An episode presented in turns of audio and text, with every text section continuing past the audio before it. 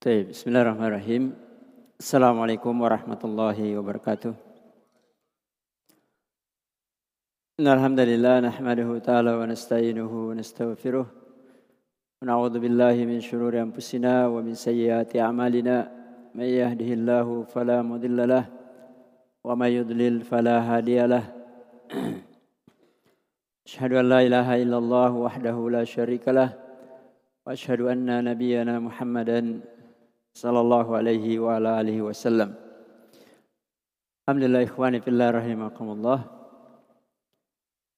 Kita memuji dan bersyukur kepada Allah pada maghrib hari ini kembali kita bisa bermajelis untuk melanjutkan pelajaran kita yang terpending ya beberapa waktu ya. Nasallallahu azza wa jalla ayyamunna alaina taufiq wassadad. Pada pertemuan yang lalu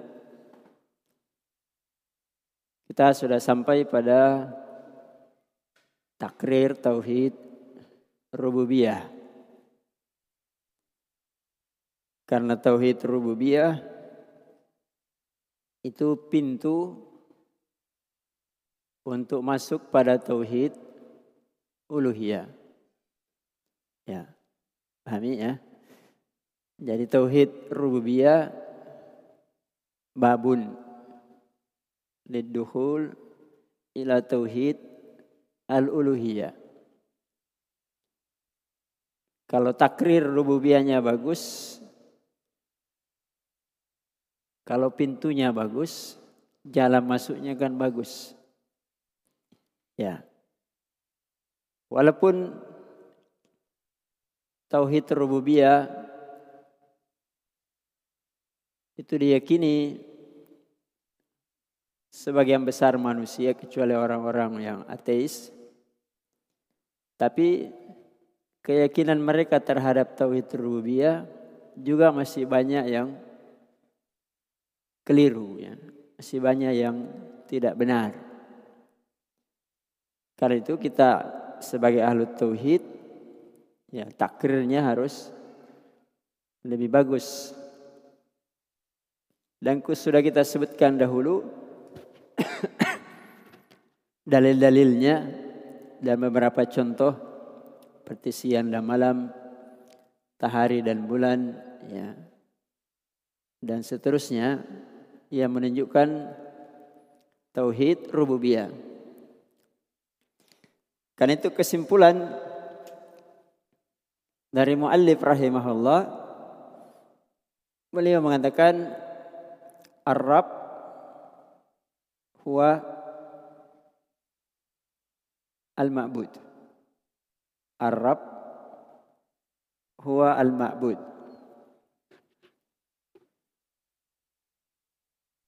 Apa maksud dari kalimat ini?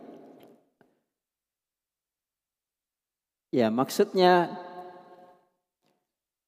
kalau Allah sebagai Rabb, pencipta, pemelihara, yang menghidupkan, yang mematikan, ya segala sifat-sifat rububiyah, itulah yang berhak untuk dijadikan ilah. Itulah yang berhak untuk dijadikan ma'bud. Bukan maknanya Rob sama dengan makbud, bukan. Karena maknanya berbeda. Rob, pencipta, pemelihara, pengatur, yang menghidupkan, yang mematikan dan seterusnya. Kalau makbud artinya yang disembah. Tapi yang diinginkan di sini takrirnya, kesimpulannya bahwa kalau engkau meyakini bahwa Allah itu Rabb, maka keharusannya engkau harus menjadikan Allah sesembahan. Kalau Allah Rabb yang mencipta tadi satu, satu, maka yang disembah juga harus satu. Makanya kenapa banyak orang tauhid uluhiyahnya ada kekeliruan itu lahir dari rububiyahnya juga yang keliru. Ya, kadang mereka meyakini bahwa ada yang diberi oleh Allah kekuasaan walaupun di bawah kekuasaannya Allah untuk mengatur sebagian alam. Ya kan? Mengatur sebagian alam. Kalau orang-orang sufi kan ada kutub, ada wali, ini bisa begini, ini bisa begini. Ini sebenarnya halalnya kekeliruannya dari rububiyah. Maka keliru pula nanti uluhiyahnya, ya, penyembahannya.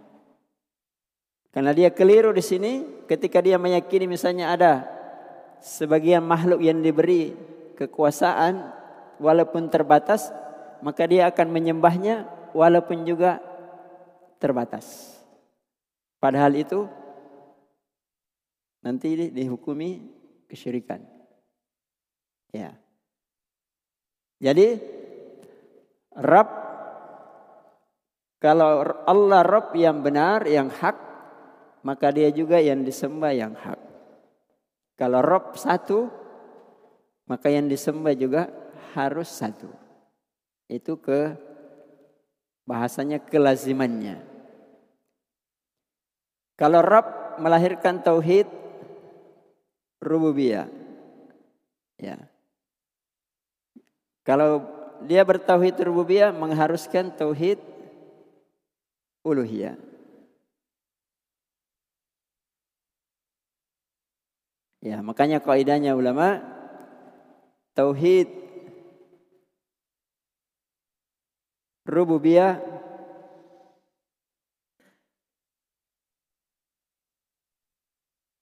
yastalzimu tauhid uluhiyah. Ya.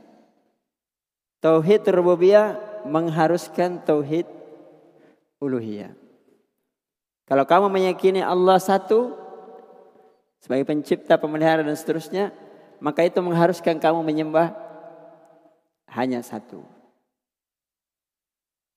Kalau kamu tidak lakukan, berarti tauhid rububiyahmu tidak benar. Karena itu keharusannya. Ya. Sama kalau kita makan. Makan mengharuskan apa? Kenyang, ya. Makan mengharuskan kenyang. Berarti kalau kita makan tidak kenyang, ada yang salah dari yang kita makan. Atau ada yang salah dari tubuh kita, kenapa tidak kenyang? Nah, paham?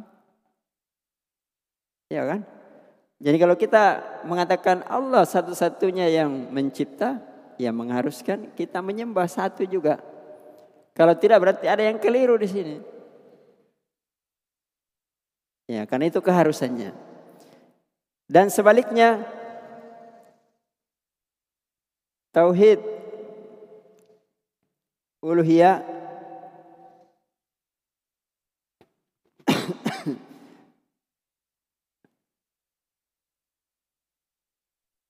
tatadammanu ya tauhid rububiyah Ketika orang menjadikan Allah satu-satunya yang diibadahi, pasti dia mengandung sudah dalam tauhidnya itu terkandung tauhid rububiyah. Karena tidak mungkin dia menjadikan Allah sebagai satu-satunya yang ibadahi, kemudian dia tidak meyakini Allah sebagai pencipta, pemelihara, pengatur yang menghidupkan dan mematikan. Itu otomatis. Ya. Itu otomatis. Jadi dua tauhid ini saling terkait satu dengan yang lain. Kalau ini rusak, berarti ini juga rusak. Kalau ini rusak, berarti ini juga rusak. Jadi ketika dia menyembah misalnya selain daripada Allah, kenapa dia sembah? Berarti tauhid rububiyahnya juga rusak. Nah. Jadi itu kesimpulannya ya. Sebagaimana yang disebutkan di situ Ar-Rabb huwal ma'bud. Wa dalilu qawluhu azza wa jal Ya ayuhan nas ubudu rabbakum alladhi khalaqakum walladzina min qablikum la'allakum tattaqun. Alladhi ja'ala lakumul arda firasha was samaa binaa wa anzala minas samaa'i ma'an fa akhraja bihi minas thamarati rizqan lakum fala taj'alu lillahi wa antum ta'lamun. Lillahi andadan wa antum ta'lamun. Ya ayuhan nas, wahai manusia, ubudu ya ubudu rabbakum. Ubudu ya ma'bud. Siapa yang disembah? Rabb. Tidak boleh menyembah yang bukan Rabb. Atau yang tidak memiliki rububiyah. Kenapa orang menyembah selain Allah? Karena dia menyangka selain Allah itu punya rububiyah. Makanya kalau dia meyakini rububiyah hanya satu, Allah, berarti yang disembah juga Allah. Maka manusia diajak berpikir, sembahlah Robmu. Siapa Rob kita semua? Alladhi khalaqakum walladzina min qablikum yang menciptakan kalian dan orang-orang sebelum kalian. Berarti Rob kita sama atau tidak? Ya sama. Berarti yang disembah juga harus sama. Kalau tidak sama berarti ada yang keliru. Kemudian disebutkan rububiyah Allah yang lain. Menurunkan air dari langit, menumbuhkan tumbuh-tumbuhan dan seterusnya. Itu kan semuanya sifat rububiyah. Innallaha rabbi wa rabbukum fa'budu. Sungguhnya Allah Rabb saya dan Rabb kalian. Maka sembahlah hanya kepada Allah. Di akhir dari beberapa ayat tersebut Allah mengatakan fala taj'alu lillahi andadan wa antum ta'lamun. Ya. Setelah perintah ini menyembah, siapa yang disembah Rob, ada larangan. Supaya penyembahan itu sempurna. Jadi ada yang perintah, ada larangan. Karena itu agama tidak akan bagus kalau hanya isinya perintah saja. Demikian juga sebaliknya ah, agama ini tidak akan bagus kalau isinya hanya larangan saja. Hah? Santri itu tidak akan menjadi santri yang baik kalau diperintah terus tidak pernah dilarang. Tidak bisa juga jadi santri yang bagus kalau semuanya dilarang terus. Iya. Maka harus ada perintah, ada larangan. Iya.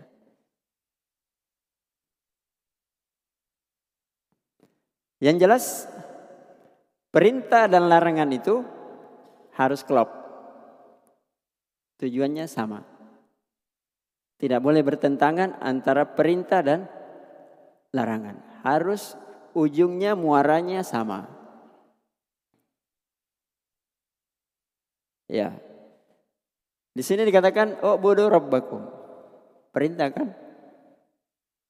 Di sini larangan. Larangan ini sama maknanya ke sini.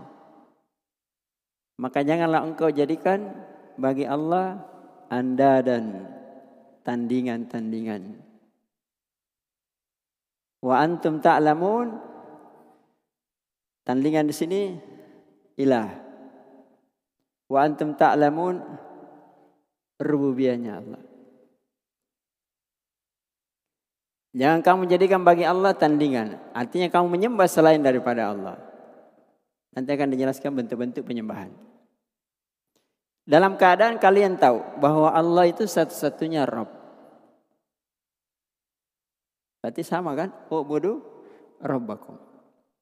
Jangan kamu menjadikan tandingan sesembahan yang lain sementara kamu tahu bahwa Allah itu Rob kalian. Klub. La ilaha illallah. Tidak ada ilah yang, ber, yang benar yang disembah illallah. Maka tidak akan benar iman kalau hanya mengatakan la ilaha. Tidak benar juga iman kalau hanya dia mengatakan yang saya sembah hanya Allah. Tapi dia tidak menafikan apa yang disembah selain daripada Allah. Harus kelop dua-duanya. Ya. Ya kehidupan kan begitu. Kalau mau sehat makan ini dan jangan makan ini. Makan ini tujuannya sama dengan larangan ini. Ya kan? Kalau punya kendaraan, begini cara pakainya. Jangan begini. Ya, tujuannya sama supaya tidak rusak. Enam. Qala Ibnu Katsir rahimahullah Al-khaliqu li hadhil asya ini tadi pencipta yang menurunkan hujan, yang menumbuhkan tumbuh-tumbuhan huwal mustahiqqu lil ibadah. Dialah yang berhak untuk diibadahi. Ya. Maknanya sama, ini kesimpulannya. Kalau Allah itu Rabb, pencipta beberapa yang disebutkan dalam ayat tadi dan juga sebelumnya, itulah yang berhak untuk diibadahi. Berarti apa yang disembah oleh manusia sekarang selain daripada Allah, ya itu juga sesembahan tapi dia tidak punya hak untuk disembah. Karena dia juga tidak punya hak rububiyah. Ya kesimpulannya begitu mudah. Ya sudah? Sampai sini sudah? Nah, kemudian beliau masuk berbicara tentang ibadah. Nah, masuk pada tauhid uluhiyah. Jadi sebelumnya takrir rububiyah untuk masuk pada tauhid uluhiyah. Tauhid uluhiyah nanti berbicara tentang ilah, tentang ma'bud. Kalau berbicara tentang ma'bud berarti bicara tentang ibadah. Qala anwa'ul ibadah allati amarallahu biha. Mislu habis itu al-Islam. Ya. Al-iman. Kemudian al-ihsan. Kemudian beliau mengatakan wa minhu ad-du'a wal khauf dan seterusnya boleh sebutkan 14 jenis ibadah.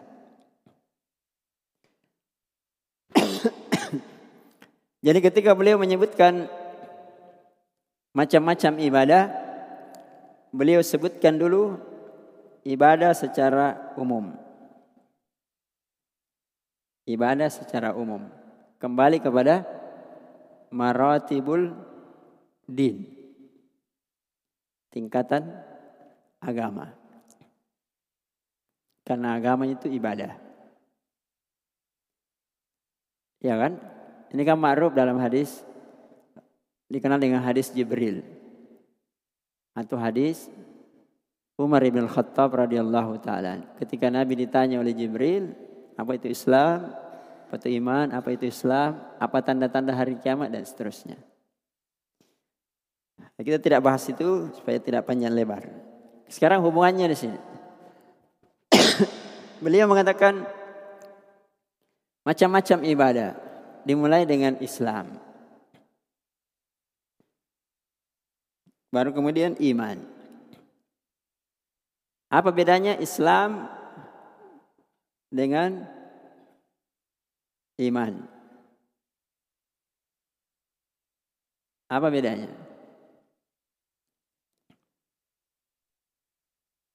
Nah, ini dua kalimat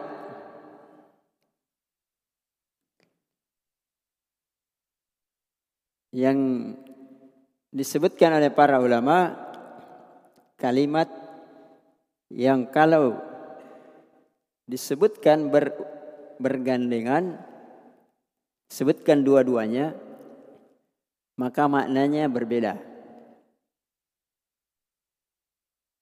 Nah, jadi kalau beliau mengatakan mislu Islam wal iman berarti disebutkan dua-duanya. Berarti maknanya berbeda. Tapi kalau dia disebutkan satu, ketika orang bicara Islam, ya bicara iman. Ketika orang bicara iman, berarti bicara Islam. Apa contoh yang lain? Seperti albirri wa taqwa. Albir wa taqwa. Kalau digandengkan begini, maknanya berbeda. Tapi kalau orang mengatakan mari kita berbuat kebaikan, berarti takwa. Mari kita bertakwa, berarti kebaikan.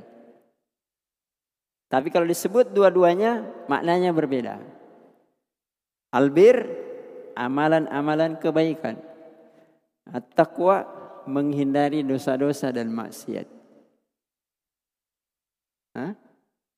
Nah, itulah kaidahnya. Idza istama'a tafarraqa wa idza tafarraqa istama'a. Itu bahasanya ulama ya. Kalau kedua-duanya berkumpul maknanya berbeda.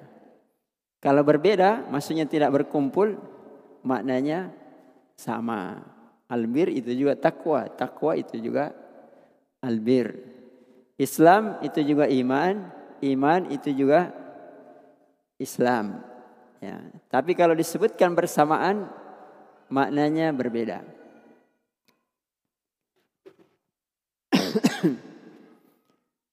ya. Jadi disebutkan dulu Islam. Nah sekarang ketika disebutkan bersamaan berarti maknanya berbeda. Kalau begitu apa maknanya Islam di sini? Ketika berbicara tentang ibadah. Nah, Islam adalah amalan-amalan yang zahir. Iman amalan-amalan batin. Jadi ketika dikatakan macam-macam ibadah seperti Islam, artinya amalan-amalan yang zahir. Apa itu amalan-amalan yang zahir? Ya seperti kita sekarang belajar. Ini amalan zahir. Salat, amalan zahir. Membayar zakat, amalan zahir. Nanti juga beliau sebutkan contohnya sebagian di situ. Kalau amalan batin, apa contohnya? Ya misalnya tawakal, rasa takut, berharap, kecintaan, dan seterusnya. Itu adalah amalan-amalan batin. Maka disebut Islam karena dibawanya ini nanti muncul amalan-amalan eh muncul ibadah-ibadah ya lebih khusus muncul ibadah-ibadah yang banyak. Maka disebut dulu yang umum. Macam-macam ibadah ya Islam. Nanti dibawanya banyak macam ibadah. Di antara jenis-jenis ibadah adalah iman. Nanti dibawanya banyak macam-macam ibadah.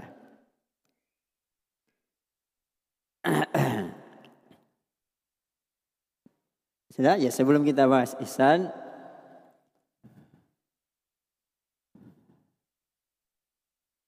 Tauhid tadi ya kembali ke sini sedikit supaya lebih jelas di sini. Tauhid rububiyah. Tadi Allah sebagai Rabb. Ya makanya sebagian ulama mengatakan apa itu tauhid rububiyah? Tauhidullahi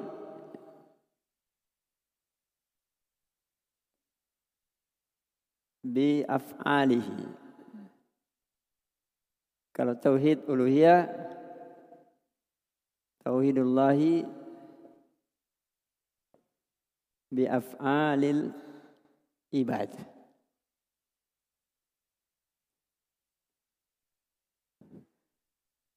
Tauhid rububiyah adalah mentauhidkan Allah dengan perbuatannya Allah. Mencipta, mematikan, menghidupkan, memelihara perbuatannya siapa? Perbuatannya Allah. Makanya orang belum bertauhid kalau hanya mentauhidkan Allah dengan perbuatannya Allah. Belum benar tauhidnya. Kenapa? Karena itu perbuatannya Allah. Sekalipun engkau tidak mengakuinya, misalnya sekalipun, yaitu perbuatannya Allah. Tidak ada tandanya kamu bertauhid di situ. Ya. Maka sekarang yang diinginkan adalah mentauhidkan Allah dengan perbuatannya kamu. Perbuatannya hamba. Itulah tauhid uluhiyah. Makanya orang dihukumi musyrik dengan perbuatannya Allah dengan atau perbuatannya makhluk. Nah, ya perbuatannya dia, bukan perbuatannya Allah. Ya walaupun bisa juga dia musyrik dalam tauhid rububiyah, tapi kan jarang yang mengingkarinya. Tapi perbuatannya hamba yang menyembeli selain daripada Allah, siapa punya perbuatan? Makhluk, hamba. Ya makanya para nabi diutus oleh Allah, semua nabi dan rasul datang mendakwakan ini. Tauhid uluhiyah. Mengajari manusia supaya perbuatannya, ya, ibadahnya maksudnya, ucapannya, keyakinannya, dan perbuatannya itu bertauhid. Ya, dan itulah yang menyebabkan terjadinya pertentangan di mana-mana, perselisihan, bahkan sampai adanya peperangan karena masalah tauhid. Ya, jadi kalau berdakwah itu mendakwakan tauhid memang harus siap punya banyak musuh. Ya. Musuhnya dari sisi tauhid. Orang berdakwah dari sisi yang lain juga punya musuh. Hah? Kalau orang berdakwah dari sisi kekuasaan, ya kan ada juga musuhnya, ya. Hah? Yang sama-sama mau berkuasa kan begitu. ya, kalau yang berdakwah kepada ekonomi, Misalnya, walaupun itu bagian dari dakwah ya, juga punya musuh ya. Ya, yang mendakwakan juga ekonomi. Kalau misalnya kita mendakwakan ekonomi Islam misalnya ya, kan ada ekonomi liberal, ada ekonomi kapitalis. Ya itu kan musuhnya juga. Jadi semuanya punya musuh. Tapi kalau kita lihat sejarah para nabi, semua permusuhannya diawali dan diakhiri dengan ini. Mengajari manusia, mendakwai manusia untuk bertauhid menyembah hanya kepada Allah. Bukan karena kekuasaan. Bukan karena ekonomi. Bukan karena BBM mau naik. Misalnya ya. Bukan karena ada yang membunuh. Ya walaupun itu juga eh, dosa. Bukan yang lain-lainnya.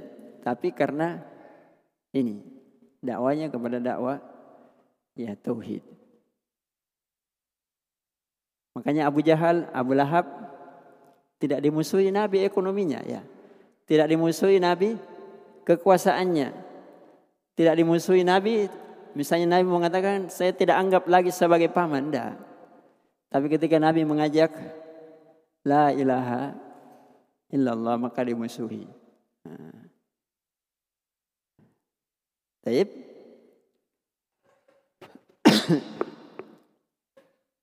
ya, Yani berarti kembali ke sini Berarti ketika mentauhidkan Allah dengan ibadah, tauhidul ibadah, karena juga tauhid uluhiyah itu dikatakan tauhidul ibadah. Ketika disuruh berislam, maka berarti disuruh didakwai semua amalan-amalan zahirnya hanya untuk Allah. Semua amalan-amalan zahirnya hanya untuk Allah. Ketika salat, puasa, nyembeli, didakwai lillah.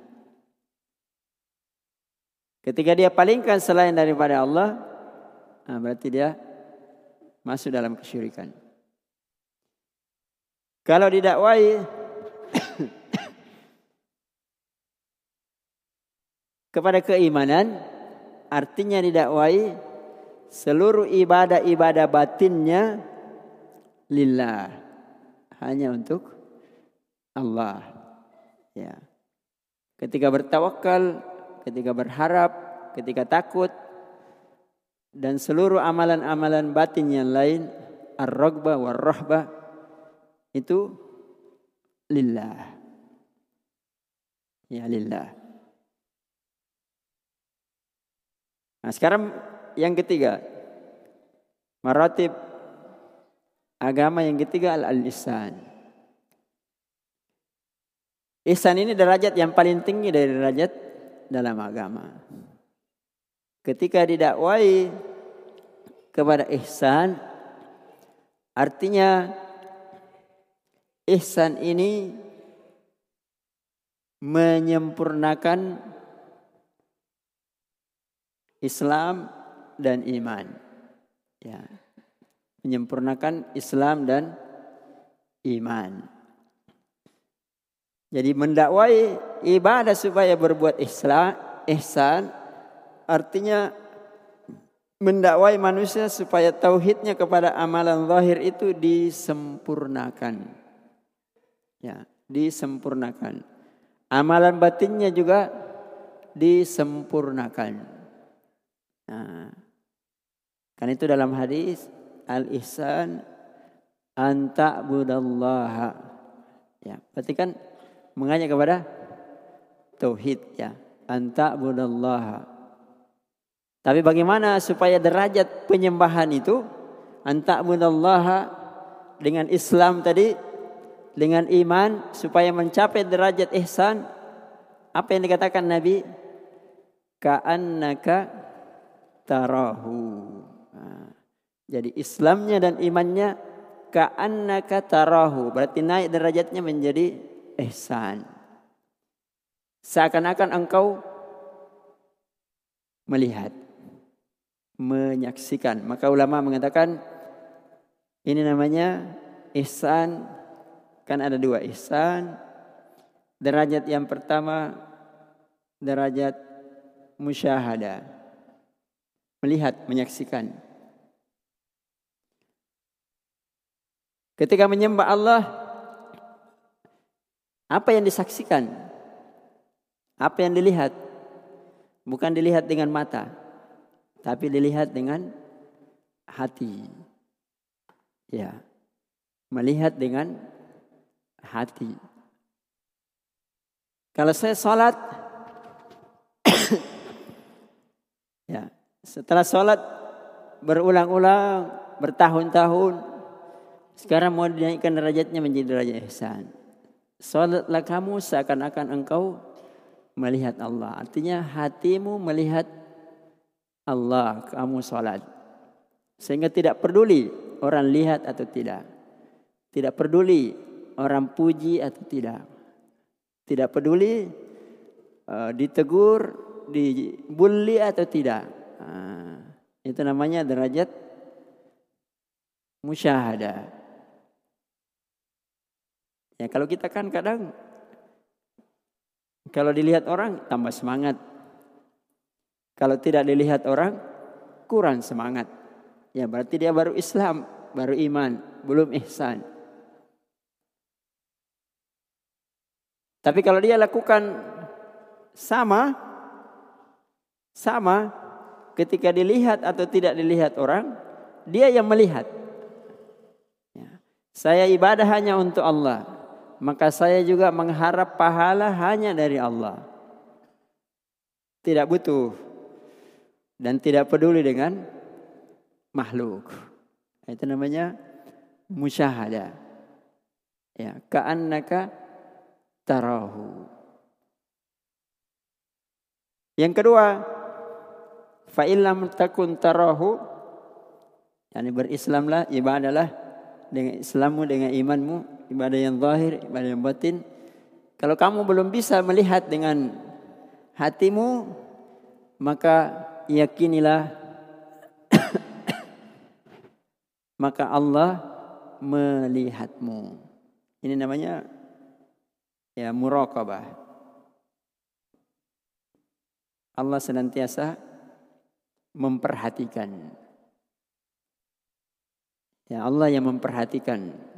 Allah yang lihat kamu ibadah. Hatimu tahu bahwa Allah melihatmu. Kalau orang ibadah, dia tahu bahwa Allah melihatnya, apa yang dia lakukan? Dia akan sempurnakan ibadahnya. Kan begitu? Kalau santri belajar dikatakan nanti gurumu hadir melihatmu dia akan sempurnakan belajarnya. Dia akan perbaiki ujiannya karena ada pengawas. Ya. Kalau tidak begitu biasanya ya dikerja tapi tidak sempurna. Makanya derajat ihsan itu artinya menyempurnakan derajat keislaman dan keimanan. Menyempurnakan ibadah yang zahir dan batin. Bukan sekedar dikerjakan lagi. Ya. Tapi betul-betul dikerjakan dengan sesempurna mungkin. Dan itu sesuatu yang eh, sangat berat. Tapi ya itulah derajat yang paling tinggi. Ya. Jadi kalau kita bertauhid Ya dimulai dulu dengan mengerjakannya secara zahir. mengerjakannya dengan batin. Lama-lama lama akan sempurna. Semua pekerjaan begitu. Ya kan?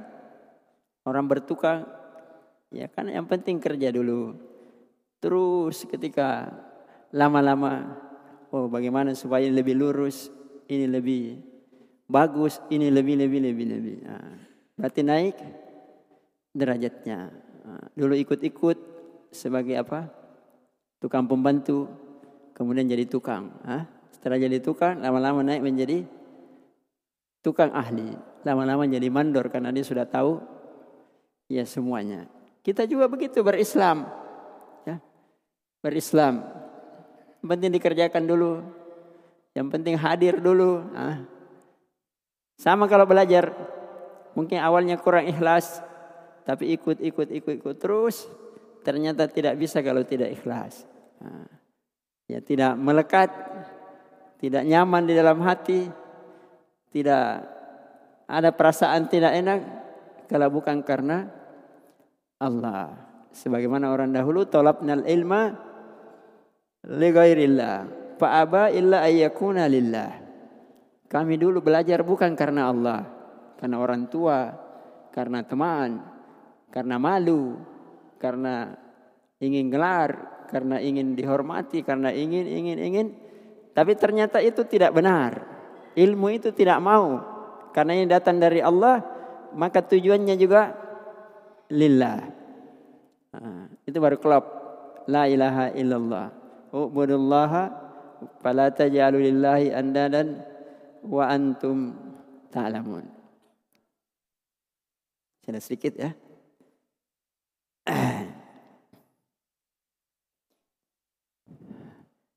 Ya, jadi beliau mengatakan anwa'ul ibadah allati amarallahu biha mislu Islam. Iman dan ihsan. Nah, maka sekarang tinggal yang terakhir harus paham tentang makna ibadah. Walaupun ini juga sudah sering sebut. Karena banyak orang yang keliru. Ya, banyak orang yang keliru. Tidak bisa membedakan mana ibadah, mana bukan. Sehingga nanti keliru juga menghukumi Ini kesyirikan atau bukan? Dan juga keliru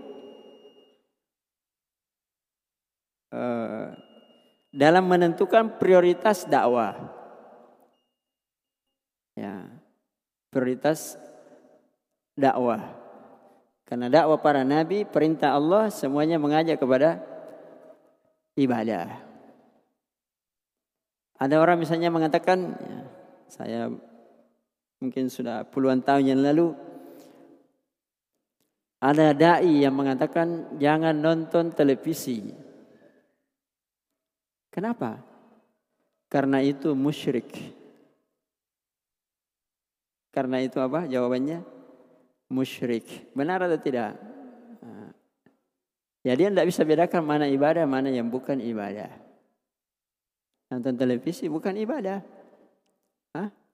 Ada yang mengatakan nonton itu ibadah? Maka tidak mungkin dihukumi yang nonton itu musyrik. Kecuali kalau dia nonton kesyirikan, kemudian dia amalkan kesyirikan. Nah, tapi nontonnya bukan bukan ibadah. Nah, jadi kekeliruannya dua. Nah, menghukumi televisi itu ibadah, kemudian menghukumi ya musyrik. Nah, ya bahaya. Walaupun tujuannya bagus-bagus saja, ya, tapi ya keliru. Nah, Sudah habis waktu ya. Ya insya Allah nanti kita lanjutkan pada pertemuan yang akan datang tentang makna ibadah. Eh, dan juga nanti ya seterusnya beberapa perincian dari jenis-jenis ibadah. Jadi kuncinya di sini ya. Kuncinya di sini. Nanti semua pembahasannya kembali lagi ke sini. Termasuk memberikan nanti hukum. Karena tauhid itu Sebenarnya pelajaran yang mudah. Harus ditahu oleh semua tingkatan. Kecuali uh, ada beberapa hal yang merupakan perincian dari tauhid. Tapi kalau umumnya itu semuanya bisa memberi hukum. Kan itu biar orang awam kalau orang berbuat kesyirikan bisa dia tegur itu kesyirikan. Karena tauhid kan cuma dua. Apa? E, amal ibadah itu cuma dua. Tauhid dengan syirik. Jadi kalau dia tahu itu ibadah, dipalingkan berarti jawabannya pasti kesyirikan. Beda dengan fikih misalnya. Kalau orang misalnya sujud lupa bagaimana hukumnya. Tidak boleh dia menjawab kalau dia tidak belajar. Bahkan walaupun dia belajar, kalau belum dianggap ahlinya, tidak boleh dia memberi fatwa. Tapi kalau masalah kesyirikan, ya siapa saja yang sudah belajar, tahu prinsip-prinsip tauhid dan prinsip-prinsip kesyirikan, dia harus menjawab. Ya, dia harus menegur, walaupun tentunya ya dengan cara yang baik. Dan bisa dia memberi hukum, tidak perlu menunggu fatwa, kecuali dia kurang jelas baru dia tanyakan. Tapi hal-hal yang jelas dan itu lebih banyak yang jelas, lebih banyak yang mudah daripada sebagian hal yang samar bagi sebagian orang. Nah, itulah pentingnya belajar ya tauhid. Kadang orang yang tidak belajar pun tidak belajar maksudnya sekolah yang tinggi lebih tahu tentang tauhid daripada orang yang belajar S1, S2, kadang S3, kadang prop tidak tahu tentang kesyirikan. Maka yang tidak belajar bisa menegur, prop ini kesyirikan. Dan nanti yang kita jelaskan cara membedakannya dengan mudah. Ya insya Allah pada pertemuan yang akan datang. Nah, Wallahu alam. Sallallahu wasallam ala nabiyina Muhammad wa ala alihi wa ashabihi wa man tabi'ahum bi ihsan ila yaumiddin. Subhana rabbika rabbil izzati amma yasifun. Wassalamu alal mursalin. Wa akhiru da'wana alhamdulillahi rabbil alamin. Assalamualaikum warahmatullahi wabarakatuh.